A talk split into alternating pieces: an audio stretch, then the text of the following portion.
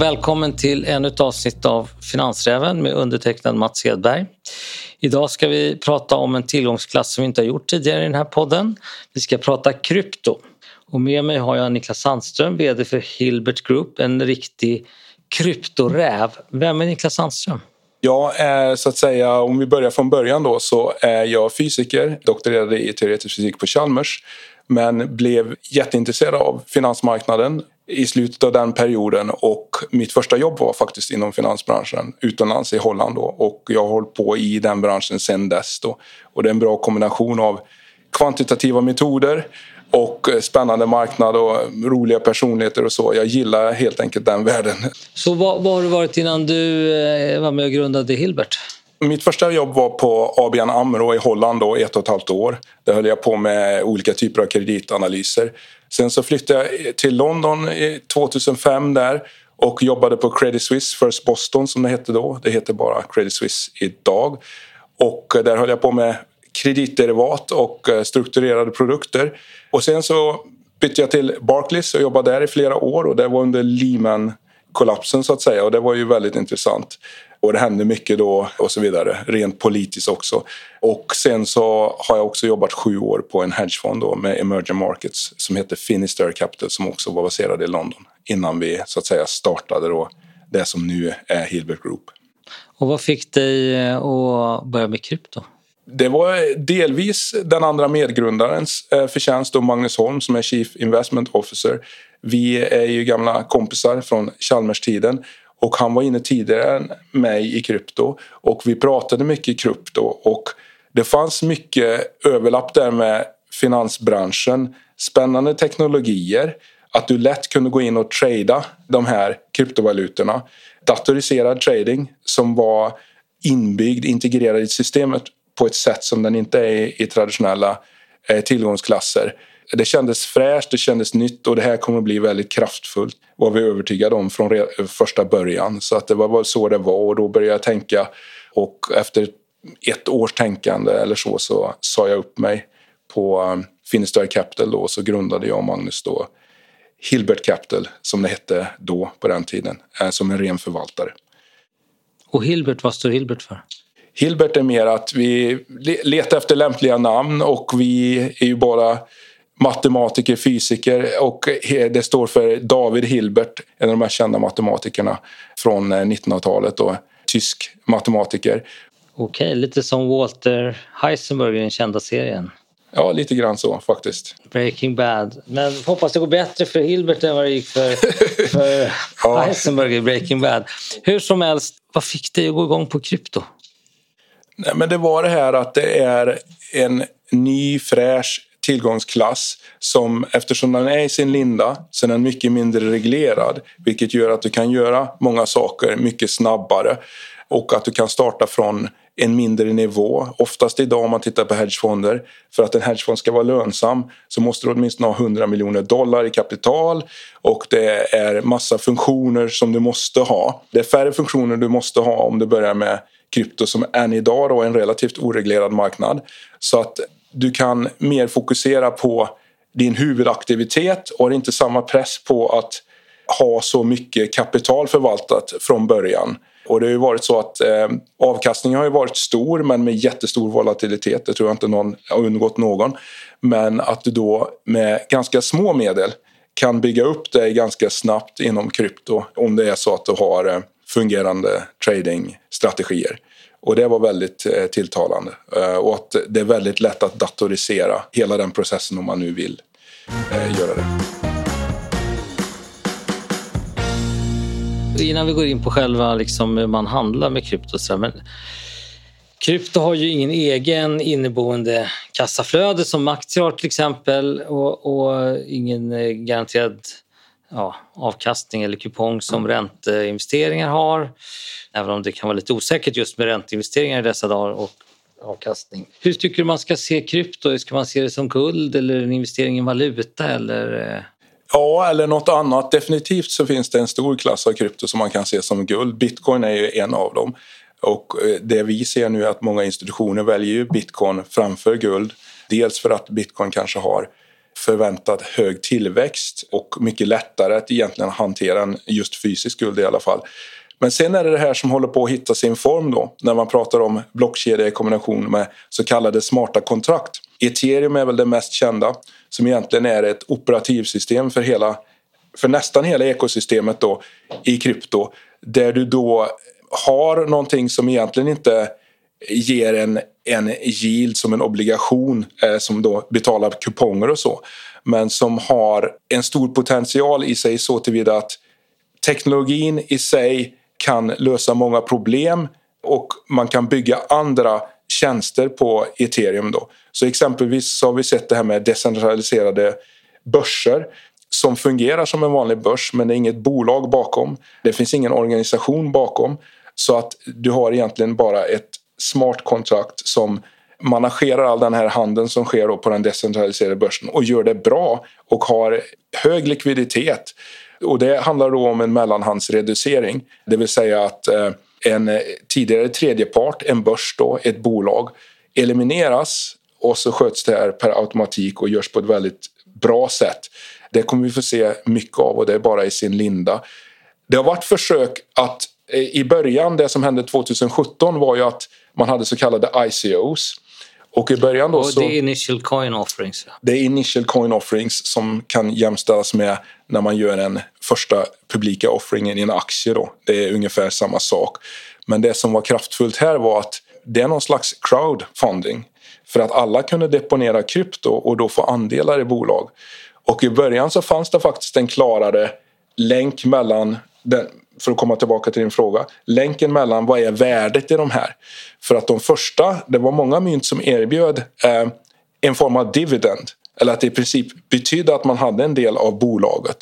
Men då kommer det in, och det är ju drivet mycket från USAs håll, då kommer man in på den här security token problematiken. Och det var ju i 2017 när det här exploderade efter 2017 så blev det många stämningar i USA. För om det är klassat som en security ja, då måste du anamma hela det maskineriet. Så det tog ju stopp. Så ironiskt nog kan man säga att den länken, starka länken som man som investerare vill ha mellan att om man köper en kryptovaluta att det har en stark länk till hur bolaget går. Den har så att säga nu då eh, blivit förtunnad för att man inte vill bli klassad som ett security token. Men vi tror att det här kommer hitta sin form. Eh, vissa bränner det kallas att man bränner token. Så effektivt så blir det som en aktieutdelning. Det finns det vissa bolag som håller på med idag. Och eh, vi tror att det här kommer att, att lösa sig men vi vet inte exakt hur formen kommer att se ut. Det tror jag ingen vet utan det händer så mycket, det är så mycket innovation. Så att mycket av det värde vi ser idag bygger på förväntningar. Det bygger på förväntningar inför framtiden. Eh, likadant som under techboomen då, 2000 eller alla, eller alla tillväxtbolag. Det är mer förväntningar i framtiden än snarare faktiskt värde just nu eh, som gäller. Det var ett långt svar. Men, ja, men det, ja. det var värdefullt eftersom du kan en hel del om det här. Och en del då pratar om spekulationsbubbla. Vad, vad, vad säger du om det? Och det är det ju. Eh, det håller vi med om. Men det gäller vissa token mer än andra anser vi. Vi tror att det är oundvikligt när det är ett nytt hett område som har stor potential att för mycket kapital flödar för fort och då blir det en bubbla. Men en naturlig process av någonting. Vi har haft massa bubblor i, genom historien. När det var tågbubblan i början av 1900-talet och det har ju varit bara en lång kedja av bubblor när ett nytt område har skapats. Visst är det så, men ur det här så kommer, och redan har de några av de stora vinnarna i framtiden fötts tror vi och det kommer att tillkomma mer på vägen allt eftersom de här teknologierna utvecklas. Lite då likadant som med Google att Google Search Engine var nummer 24 och de allra bästa kryptovalutorna och de allra bästa applikationerna av kryptovalutor kanske inte ens är födda än. Så att vi tror att de flesta kommer att gå mot noll tids nog. Men ur det här så kommer födas en bransch som är mycket större än den, än den sektor som vi ser idag. Så att marknadskapitaliseringen av krypto i stort kommer att vara mycket högre i framtiden än, än det vi ser idag. Och jag tror att det, det är främsta anledningen till varför man ska ha en exponering mot den här tillgångsklassen att det är en hög förväntad tillväxt. Med den här spekulationen och den höga volatiliteten, alltså ryckigheten i kursutvecklingen, kommer den att avta i tiden tror du? Det tror jag, allt eftersom den här mognar som tillgångsklass då. Och det har ju skett historiskt sett så att krypto egentligen det är en omogen och liten sektor. Många kryptovalutor har inte särskilt stor marknadskapitalisering. Men just marknadskapitaliseringen i sig, det vill säga hur mycket är en kryptovaluta värd? Det är alltså antal enheter av den här kryptovalutan gånger priset. Ju högre det är, desto större tröghet. Desto högre transak större transaktioner behövs för att röra priset på den. Och det är ju så att bitcoin, även om det fortfarande är väldigt volatilt jämfört med många traditionella tillgångsklasser så är det ändå så att det är mycket mindre volatilt än många av de mindre kryptovalutorna. Då. Och allt eftersom den här, eh, hela området krypto växer så förespår vi att eh, volatiliteten kommer gå ner. Och om kanske 5-10 år så kommer det vara en mogen tillgångsklass som kommer att behandlas precis som alla andra. Det vill säga som aktier, som obligationer, som commodities. Men det finns nu en gyllene möjlighet här att med relativt små allokeringar bygga ett stort värde på 5-10 års sikt. Jag har ytterligare några filosofiska frågor jag måste få svar på. Kanske någon mer än jag som undrar om... Man kan ju se de som ger ut krypto som en form av liksom fristående centralbank till exempel. Man ger mm. ut en valuta mm. och så länge man är ansvarsfull så borde ju den eh, trovärdigheten kunna vara större eller mindre. Om man jämför med traditionella valutor så har man inget politiskt tryck för att trycka sedlar som man exempelvis gör nu. Man trycker enorma mängder sedlar med risk för inflation. Och vi, går man tillbaka till början på 1900-talet så har ju amerikanska dollarn tappat ganska mycket av sitt värde. Mm. Jag tror att det här det finns ett hot mot dagens eh, regeringar och centralbanker eh, för att de tappar makten som gör att de kommer att gå in och, och vilja reglera det här mer? Det tror jag. Visst är det så. För ingen vet vart det här tar vägen. Vi tror ju dock att det racet är för sent. Halva Wall Street är redan inne. Men det är ju sådana signaler som sänds från politiskt håll att de tappar kontrollen. Vi tror ju också att den här pengatrycken som har gått då under lång tid, i synnerhet efter covid, där man bara trycker oerhörda belopp som omöjligt kommer att kunna betalas tillbaka. Många tror att det kommer leda till hyperinflation och så vidare. Att det är hög sannolikhet för att det kommer bli en centralbankskollaps då. Och frågan är vad som händer efter det. Men än idag så finns det ju ingen som har en marknadskapitalisering som är tillräckligt stor för att vara i väldigt närma tid ett hot. Men det kan komma att bli så. Eh, det tror jag. Men eh, de här teknologierna är för bra och för kraftfulla så att de kommer att finnas kvar. Däremot så tror jag att centralbanker kommer ge ut sina egna digitala valutor. Det är ju många som redan har sagt att de ska göra det. Så jag tror att det är det som kommer att bli vägen framåt. Då. Men sen kommer kryptovalutor att bli reglerade och vi tror att det kommer att bli en vettig reglering av krypto. Det kommer i princip, i princip så kommer samma maskineri som tillämpas på eh, traditionella tillgångsklasser i termer av KYC, compliance och så vidare och så vidare. Det är en del av den här mognaden och krypto kommer liksom inlämmas i, i, i det ramverket så småningom. Hur ska man se på centralbankers egna kryptovalutor tycker du? Jag tycker man ska se det som till stor del att det kommer inte bli någon skillnad. De kommer fortsätta trycka dem där och mycket av de pengarna som finns idag är redan digitala.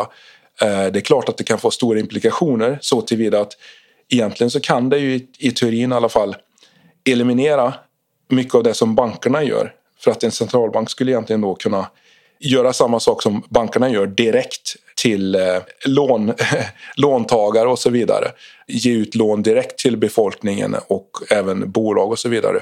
Så att det kan bli en stor förändring för hur banker fungerar. I alla fall en del av aktiviteten. Det kan det bli. Men jag tror att det är inte så att de kommer lösa några problem bara för att de har en kryptovaluta. Utan det kommer att vara samma problem. De kommer fortsätta trycka och det kommer att vara hög inflation över tid på centralbankstyrda kryptovalutor. Det är jag övertygad om. Ytterligare en liten filosofisk fråga innan vi går in på mera förvaltningsintressanta frågor. Från en del håll hör man ju att ah, det här är ett sätt för brottslingar att gömma pengar. Vad för kommentar till det? Att det återigen är ett ganska snedvridet narrativ. För att det är ju så att, och det finns flera papper på det, eller artiklar som har skrivits. Det är ju inte i närheten procentuellt sett av de transaktioner då som man kan ha ett tvivelaktigt ursprung inom krypto är inte i närheten så hög den procentdelen som cash dollar, så att säga, dollarkontanter. Så att mycket av den illegala vapenhandeln, droghandeln som sker i världen idag, det görs ju fortfarande med kontanter, dollar. Då. Jag tycker det verkar rätt dumt om man är kriminell och köpa krypto för att det är ju allt spårbart. Exakt, och eh, det har ju varit uttalanden från FBI att de egentligen föredrar och de har löst en del brott i USA där du kan se flödena från plånbok till plånbok eftersom det är en publik liggare för bitcoin så gör det ju lättare egentligen att, eh, att spåra det här och lösa många av de brotten. Så att eh, jag håller med om det. Okej, okay, nu ska vi prata lite mer om Hilbert. Hur jobbar ni? Och vad jobbar ni med lite mer i detalj? Vi började ju som en fondförvaltare som hette Hilbert Capital då i slutet av 2018. Men det vi gör nu med Hilbert Group är att utvidga den verksamheten till att bli ett mer fullfjädrat investmentbolag. Då. Men om vi börjar på förvaltningen så egentligen det vi gör, vi driver fonder och vi har ett antal nya fonder nu som ligger i pipen som kommer att starta här om de närmaste två månaderna. Och det handlar om att ha strategier som vi dels tror på själva och som är tilltalande för investorbasen. Då. Vad gäller fonderna då, det är en väldigt hårt reglerad verksamhet så är i huvudsak high net worth individuals, family offices och institutioner då, som investerar i den här typen av produkter. Och det är en stor del av verksamheten att utveckla våra tradingstrategier. En del är algoritmiska, det vill säga de är automattradade. Andra är inte det. Och att försöka få en bred produktflora då, där man har produkter som som i alla andra branscher som tilltalar olika segment av de möjliga investerarna. Och det är den tjänsten vi erbjuder. Många vill inte managera krypto själva. Många tycker det är skönt att ha en professionell institution som tar hand om den investeringen. Eh, så det är en stor del av vårt jobb att ha en rigorös struktur i termer av de service providers som vi jobbar med. Det kan gälla fondadministratör, det kan gälla custodian, det vill säga de som förvarar själva krypton. Eh, det kan gälla den själva legala setupen kring det här. Så det är väldigt mycket mer än just bara tradingen. Då. Så att det är vad vi gör på fondsidan. Sen så om man tittar på den andra vertikalen då som är prop trading eller handel i egen bok som vi ska ha med Hilbert Group. Då handlar det mer om att vi är ju övertygade om att det här blir en stark tillväxt i det här området mellan 5 till 10 år. Det är det ena. Det andra är att det kommer vara hög volatilitet. Eh, och det första då leder till att vi förväntar oss en hög avkastning. Så den här handel egen bok, det ser vi som ett ganska unikt tillfälle att skapa värde för aktieägarna genom att ha en strategisk portfölj som i princip huvudsyftet är att vi ska fånga en stor del eller mer av den här förväntade uppgången. Då. Sen är det så att när det är hög volatilitet så leder det till eh, möjligheter. En marknad som rör på sig, det är någonting som traders gillar, investerare också. Så att den kombinationen är är bra och vi tycker vi kan göra det på ett balanserat sätt. Då. Sen har vi också equity investment för att bredda det hela. Kryptovalutor är en sak men att investera i aktier i blockkedjerelaterade bolag är en annan sak. Och det sprider riskerna lite grann och eh, det har en längre investeringshorisont, kanske 3 till 7 år. Det ska vi också göra en del, så det är egentligen private equity. Vi går in i onoterade bolag och köper en minoritetsposition. Då. Och sen så har vi det fjärde som är Data Analytics. Vi är ju storproducenter av data och analys och också storkonsumenter och där är idén att vi ska paketera det här och erbjuda bra data och bra analyser. Då. Allt ifrån retail till professionella investerare enligt prenumerationsmodeller och liknande. Då. Och det är ett område som är okonsoliderat i krypto och där man då förmodligen kommer att konvergera mot vad vi ser som det som Bloomberg och Reuters gör i traditionella marknader idag. Och vi tror att vi kan ta bra marknadsandelar där baserat på det som vi gör eftersom vi är en kvantitativ investor i grunden och, och, har mycket av den datan och gör mycket av de analyserna som vi tror kan vara intressant för folk. Och hur mycket det här är ni igång med idag? Det är egentligen förvaltningsbusinessen, den är ju igång. Vad gäller egenhandeln så har vi det klart för oss vad vi ska göra men vi kommer inte starta den förrän Hilbert Group är listat. Eh, nu kanske jag gick händelserna i förväg och sa det. Ja, vi kommer tillbaka till det. Ja, ja. Och sen så är det ju så att vi har ju jobbat senaste halvåret hårt på just de här equity investments. Då. Så där är vi i ganska långt gångna förhandlingar just nu på några objekt. Så vi får se hur det, det slutar. Och förvaltningen har ni varit igång med ett tag. Hur har förvaltningen gått hittills? Den har gått bra En del av det är ju marknaden för krypto har ju gått ganska bra de senaste två åren kan man säga. Och den flagshipfonden som vi har eh, som startade i januari 2019 den har ju genererat en bra avkastning under den här perioden. Och vad är en bra avkastning? Ja, det är en avkastning som är betydligt bättre än 500 procent på två och ett halvt år. Ja, det är bra. Eh, och du säger du att ni ska listas, noteras. Vad kan du berätta om det? Ja, så den här listningen, noteringen, det är ett steg att gå då från att bara vara förvaltare till att bli ett fullfjädrat investmentbolag i krypto. Det vill säga att ha ett mer bredare tänk och investera i olika delar av kryptoekosystemet kan man säga. Så vi slutförde en private placement i början av februari och eh, det kapitalet ska vi då använda till att bygga, att gå från att vara en ren förvaltare till det här investmentbolaget då. Och som en del av det så ska vi också listas på Nasdaq First North. Eh, det är planerna då inom en närmare framtid. Och vi ser det här som ett strategiskt beslut att tiden är mogen nu. Vi kan inte kontrollera marknaden men vi tror att krypto är här för att stanna och vi har approachen att vi ser det här långsiktigt. Vi ska bygga någonting solitt nu här över flera år och vi ser att vara ett publikt bolag det ger oss tillgång till permanent kapital så att om tillfället ges och marknaden är gynnsam så kan man då växa i en snabbare takt och skapa mer värde snabbare, det är vår bedömning, än om man hade varit ett privat bolag. Eh, och det är huvudanledningen till varför vi väljer att bli ett publikbolag. Då. Sen är det den andra aspekten att vi tror att det kan vara attraktivt för många som inte vill ge sig in i krypto direkt att kanske då köpa aktier i ett bolag som Hilbert Group som håller på med institutionella investeringar i det här. Så då är det ett fint sätt att få en, en bred exponering mot krypto på ett enkelt sätt. Man köper en aktie istället för att man ska hålla på att investera i krypto direkt. Då. Så slipper man tänka på allt maskineriet kring, kring själva hanteringen av kryptovalutorna.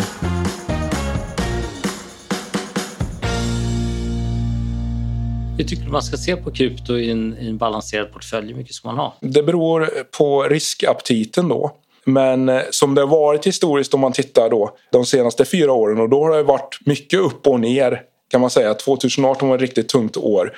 Men man ska ha en allokering och det kan vara 2% kan vara rätt för en person. 20% kan vara rätt för en annan person. Men kanske den storleksordningen. Många brukar rekommendera mellan 5 och 10. Då. Och du har en tillgångsklass som då hittills har växt med över 100 på analyserad basis. Så på många år när den här effekten då så att säga sammansätts eller compoundas så kan man med en relativt liten allokering få mycket högre avkastning. Så att det finns en asymmetri där. Du riskar inte så mycket men eh, om det går som det historiskt har gått eh, och vi tror att tillväxten det fortfarande börjar från en låg bas då kommer vara hög. Så för att ge ett specifikt exempel. Om man i slutet av året då tar slutet av 2020. Om man eh, hade hållit en portfölj på 10% bitcoin och 90 aktier då, under fyra år. Då hade under den fyraårsperioden eh, avkastningen fördubblats. Då. Aktier eh, avkastade ungefär 60% under den tiden eh, till kanske en volatilitet som ligger runt nära 20% Till samma volatilitet så hade du alltså fått 120% med en 10 bitcoin-allokering bara. Och det är just det här som gör den stora skillnaden då. Att det finns relativt liten risk på nedsidan. Vad är nedsidan? Jo, det är att krypto går mot noll. Vilket i sig inte är troligt. Men sen på uppsidan då i egenskap av en starkt växande område så får du eh, en eh, väldigt eh, hög, hög förväntad avkastning. Det är så vi ser det. Men man ska ha ett långsiktigt tänk. Det är högvolatilt och man ska egentligen inte titta dag till dag hur det går utan man ska hålla det under längre perioder. Ska man säga att man flyttar den effektiva fronten? Är det man, så man ska se det genom en viss allokering? Det kan man säga, exakt. Och eh, vad du säger är att tanke, givet volatiliteten så, så minskar risken i själva investeringen efter en viss tid. Eh, hur menar du då? Alltså, eh... Ja, om du, om du går in för kort så är det risk för att du hamnar fel i eh, mellan gungor och karuseller. Men om du hänger med ett tag så kommer du, givet vad du säger, tillväxten, att så går risken i praktiken ner för att du ska gå fel. E exakt, eh, det, det håller jag med om. Och det är ju då betingat av att man har en ganska bred exponering. Säg att man stoppade allting i en enda krypto så visar det att den går inte bra. Men om man har en någorlunda bred exponering mot kryptomarknaden i stort så är vi övertygade om att den tesen gäller. Allt hänger ju på det här att vi tror att det kommer bli en stor förväntad tillväxt och då kommer marknaden tillbaka och så. Ett bra sätt att hantera det där eh, som också funkar väldigt bra i, i traditionella tillgångsklasser det är att man köper lite då och då. Att man snittar in sig i en marknad för man vet aldrig vart det är botten. Det är ingen som vet vart det är toppen, ingen som vet. Utan man köper lite då och då och det där brukar bli väldigt bra över tid. Så att eh, det kan vara en metod om man själv vill köpa krypto och så vidare. Att man så att säga köper lite då och då på olika nivåer i marknaden. Ni som har startat där är ju, är ju matematiker i grunden och eh, med kvantinriktning. Hur jobbar ni rent praktiskt? Jobbar ni bara matematiskt nu eller jobbar ni, har ni andra sätt att se på marknaden? Ja, det har vi ju. Grunden är ju alltid någon form av kvantitativ analys så tillvida att det kan vara så att den är nedkodad i en algoritm men även att vi sitter framför ett Excel-sheet och gör analyser. Men vi, till exempel den andra fonden vi ska starta här nu inom en månad, den kommer ju vara mer diskretionärt tradad. Eh, och det, det handlar om att egentligen välja bättre, alltså det handlar om stockpicking så tillvida att vi ska försöka plocka de kryptovalutor som kan tänkas gå bättre i framtiden som är små idag så att den har ett fokus på en mindre marknadskapitalisering. Så att vi, vi kör en blandning. Bara för att vi startar som algotrader säger vi inte så att det är bara algos som gäller och så utan det finns mycket eh, att hämta speciellt i ett så här omoget område med att göra analys men också ta diskretionära beslut kanske också opportunt beroende på vart, hur marknaden har rört sig och så vidare. Så att eh, vi anammar allting som vi tror fungerar. Men vi är kvantitativa så vi vill gärna se siffror på det som ger indikationer. Vi är inte chartists i den eller tekniska analytiker i det avseendet att vi sitter och tittar på en kurva och beroende på vilket mönster du ser i kurvan så tar vi beslut. Det gör vi inte utan det är mer att vi ska ha hårda siffror på att någonting fungerar. Så ingen teknisk analys? Eller? Nej, eh, jag kan inte undvika att om det är så att vi hittar ett mönster och vi har inte sysslat så mycket med det, men om vi hittar ett mönster som statistiskt sett verkar fungera över tid, att om kurvan ser ut si och så, så har det en viss översannolikhet. Då är det klart att då skulle vi kunna tänka oss att använda det, men som det är i nuläget så har vi inte gjort något sånt och har inget sånt i någon av våra produkter. Det är kanske de som funderar på hur gör ni om det är vi säger, tio mindre kryptovalutor och så ska ni investera i par. Hur väljer ni ut, vad har ni för parametrar som gör vilka ni väljer ut att investera i då?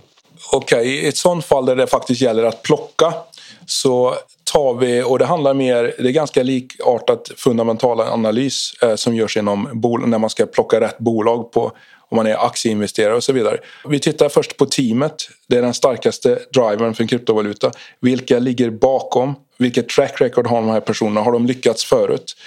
Har de ett stort nätverk? Det är oerhört viktigt, det är no någonting vi har märkt. Sen är det också, vad är det de erbjuder? Vilket problem löser den här kryptovalutan? Man vill helst att den inte ska vara i ett crowded space så att säga. Om det finns eh, 50 andra kryptovalutor som löser samma problem och vi inte kan se någon avsevärd skillnad så är det inte attraktivt. Helst ska det vara något nytt. Hur ser communityn ut? Twitter, Reddit och så vidare. Har de en stor bas? Finns det ett stort intresse? Är det en stor buzz om det här? så att de har ett tryck under sig. Det är också viktigt. Hur ser tokenomics ut?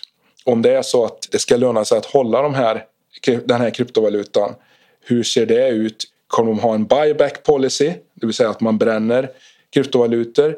Finns det någon form av dividend eller andra som governance tokens? Om du äger mycket av valutan så kan du också påverka hur den ska utvecklas eh, i framtiden och så vidare. Sådana egenskaper vi tittar vi på och tar en helhetsbedömning då, om det är värt. Och sen så får man naturligtvis titta på prishistorien om det är en kryptovaluta som har som inte är precis nyutgiven men ganska ung då är det ju mycket mer attraktivt att titta på sådana som inte har gått eh, som inte har rallyat så hårt eller gått upp så mycket. Så ett, ett, en kryptovaluta som har gått tio gånger pengarna är ju mycket mindre attraktiv än någon som har gått upp eh, 1,5 gånger pengarna eh, i allmänhet. I branscher som har ökat så här mycket så brukar det komma, dra till sig en viss mängd skojare. Har det varit så i krypto eller är det så i krypto? Ja, det har det ju varit och eh, det var väl kanske delvis därför eh, amerikanska myndigheter, i synnerhet amerikanska myndigheter, slog ner på den här ICO, Initial Coin Offerings. Och det, det, det var många rena scams i början då. Att man skrev ett white paper, man lovade någonting, det fanns ingen aktivitet, man reste massa pengar genom ICO, genom den crowdfundingen och sen så gjorde man ingenting. Och det förekommer fortfarande då, men i mindre grad skulle jag vilja säga. Men man måste ändå vara försiktig och det är därför det är så viktigt syna teamet. Vilka är personerna som har gett ut det här? Har de integritet? Har de ett etablerat track record? Det är nog den bästa barometern på huruvida det är ett seriöst projekt eller inte. Spännande. Och eh, Hilbert då, när kommer ni att eh, lista aktien? Det får vi se, men inom en närma framtid här. Vi eh, siktar definitivt på inom nästa tre månader då. Så det är nära inpå med andra ord? Det är nära inpå. Ja, men då önskar vi dig och eh, teamet på Hilbert lycka till och tack för att du var med och delade med dig så frikostigt av dina kunskaper och erfarenheter. Tack Niklas! Tack Mats för att jag fick vara med.